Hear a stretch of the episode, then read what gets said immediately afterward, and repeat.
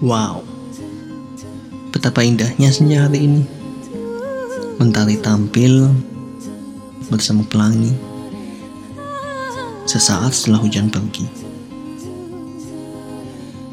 Tak lupa aku menikmatinya bersama sangkir kopi. Semua ini mengingatkan aku pada sang ilahi. Aku yakin kamu pernah sakit hati ketika doa keinginan yang kau panjatkan setengah mati belum juga dia penuhi.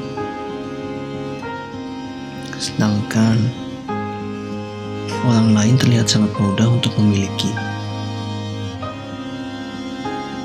Tapi coba kembali selidiki. Doa tidak akan terkabul tanpa ada usaha yang pasti. Bayangkan, jika segitu mudahnya doa terjadi, betapa mudahnya orang menghakimi. Hanya dengan disumpahi, udah bikin mati. Daripada berdoa hanya untuk meminta,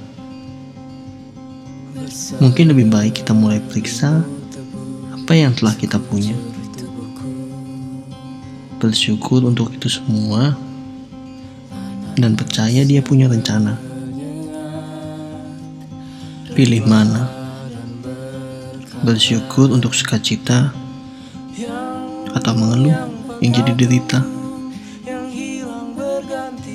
Seringkali kita lupa mensyukuri untuk apa yang kita punya.